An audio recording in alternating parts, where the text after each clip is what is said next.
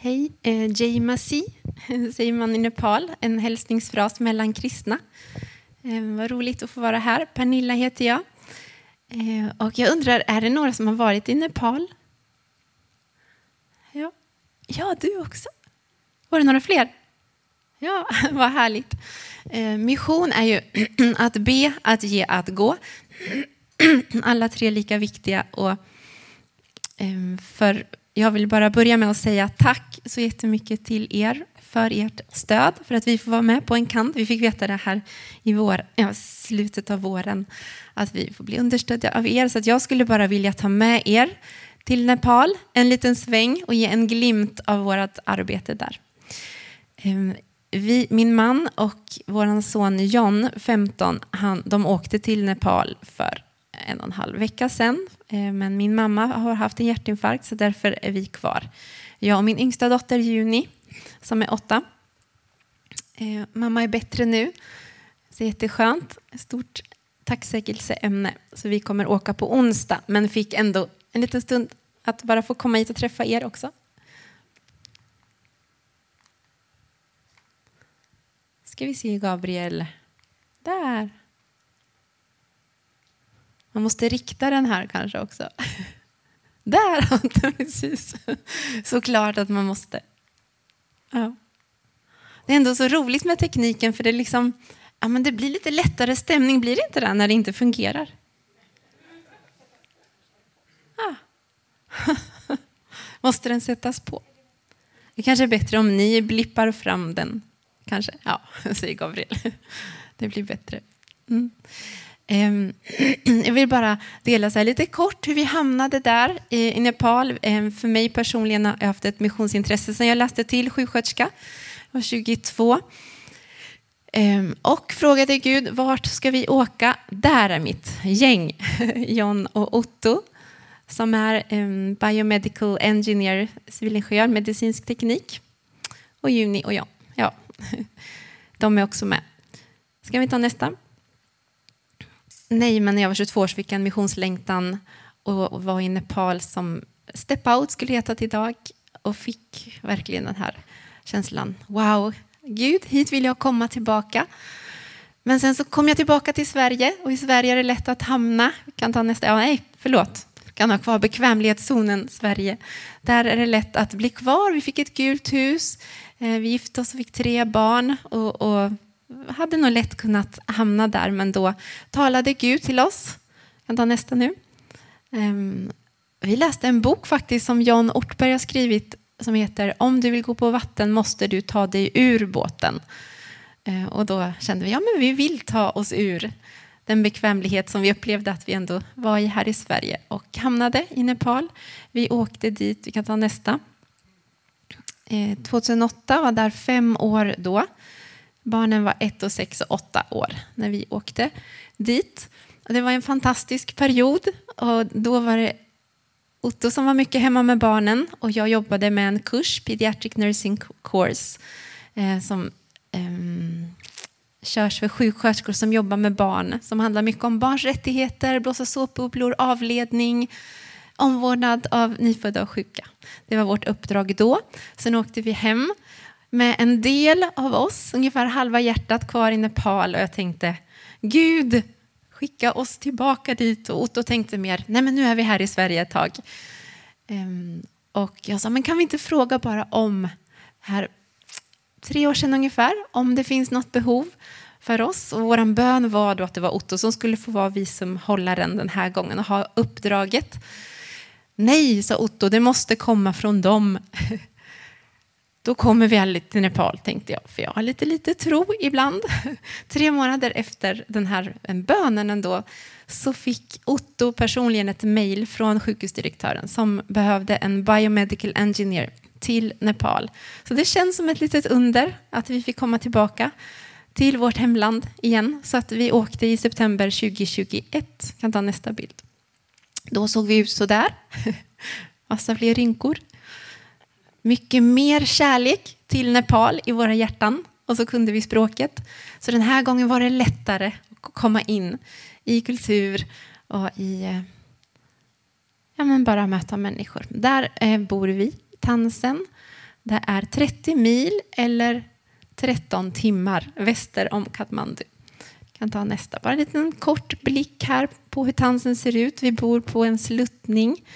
Himalaya, sikt åt ena hållet och Tansendalen. Här ligger det ofta moln så att man går upp. Ett, vi har ett vardagsliv ovanför molnen, brukar vi säga. Jag kan ta nästa. Tansens missionssjukhus. Så här ser det ut. Jag kan ta nästa bild där. Som har funnits länge, sedan 54. Och det är ett, ett fantastiskt sjukhus med mottot We serve Jesus heals. Och de patienter som inte har råd att betala på statliga sjukhus får vården betald. Så det kommer från, från hela västra Nepal patienter som får gratisvård på Tansensjukhuset. Och, som, och många får höra om Jesus. Mm. Ta nästa. Ottos jobb. Då. Eh, munskydd har man ju överallt och covid har ju farit fram i Nepal precis som här. Eh, men han är alltså en medicinteknisk ingenjör. Han brukar säga att han jobbar inte med apparater utan med människor som jobbar med apparater. Det är ett fantastiskt gäng som jobbar på Biomedical, ungefär 12 personer. Och de jobbar mycket med praktiska. Finns det någon sjukhustekniker här? Du vågar kanske inte räcka upp handen för då kan jag ta fram dig hit så du får berätta vad ni gör. Nej. Mm. Nej, men det är mycket praktiska saker och handlar mycket om människor. Så där, ja, tillbaka en till. En till tillbaka. Ska vi se. En till tillbaka. Ja, det är kaos på Ottos rum, måste jag säga till. Jag förstår inte hur de hittar saker. Men det gör de. Typiskt nepalesiskt att ha saker överallt. Där. Eh, de har, han har fått väldigt fin kontakt med de här kollegorna. De har en liten andakt varje morgon eh, som är väldigt spännande. Att, ja, Gud får tala till dem. Det är flera som har kommit till tro där också. De är tre kristna kollegor. Jag kan ta nästa. Eh, jag är unassigned spouse.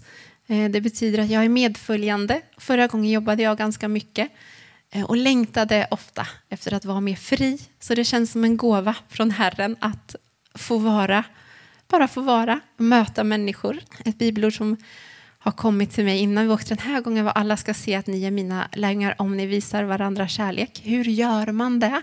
Eh, förra gången när vi var i Nepal så, så, så tror jag att den största lärdomen för mig var att se.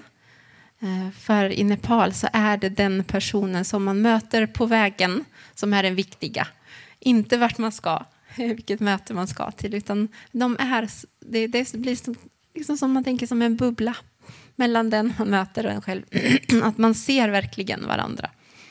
Ehm, så min bön är bara att jag ska få se människor så, som Jesus har gjort. Eh, det finns mycket frihet i att möta kvinnor. Den här kursen som heter International Child Development Program är en föräldrakurs kan man säga som har funnits i Nepal i fyra år. Och den startade i Tansen. Vi hittade den av en tillfällighet för den har inte kommit till västra Nepalen. Men den kördes, det ska vara tre olika moduler och den handlar om hur man ser barn, hur man sätter gränser, hur man visar kärlek till barn så att barnet förstår.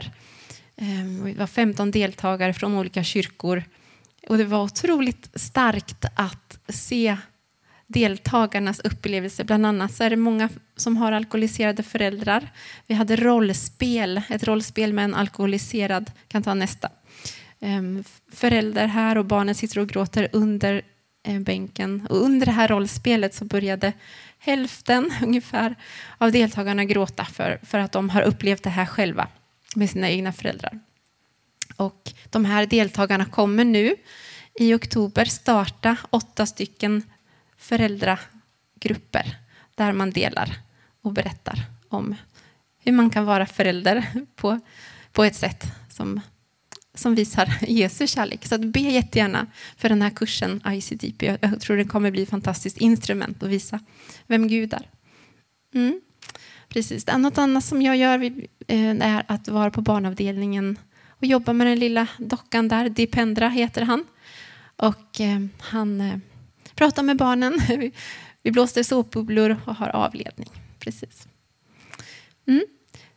Det var vad jag ville berätta. Vi kan ta nästa bild. Så, ja, bara sist, när vi åkte hit så kände jag bara att ja, men det här, jag ska bara under, eh, berätta om den här kvinnan lite kort. Hon heter Dani Sara eh, och för 12 år sedan så mötte vi henne. Då hade hennes man dött av en svampförgiftning.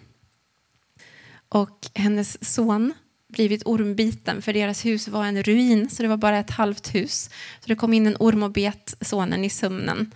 Så hans hjärta stannade och hennes, hennes dotter har psykisk ohälsa. Och den här kvinnan var helt nedbruten. Med mänskliga ögon så fanns det inget hopp för henne.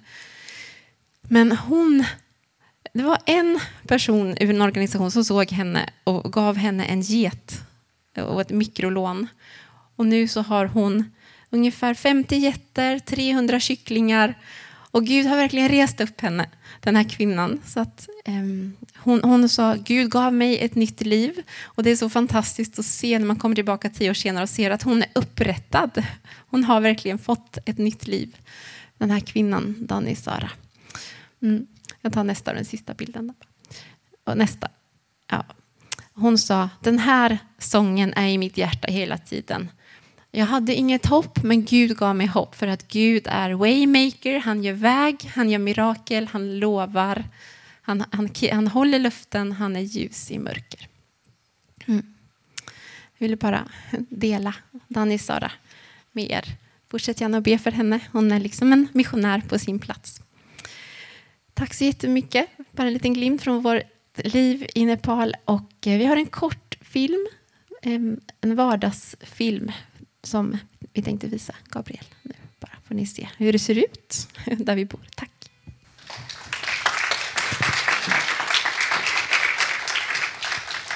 Ja, stort tack för det du har delat. Nu har vi fått en liten inblick i ert liv i Nepal. Och visst är det så att de yngsta barnen är med i Nepal och era stora flickor Ida och Moa, de är i Sverige. Mm.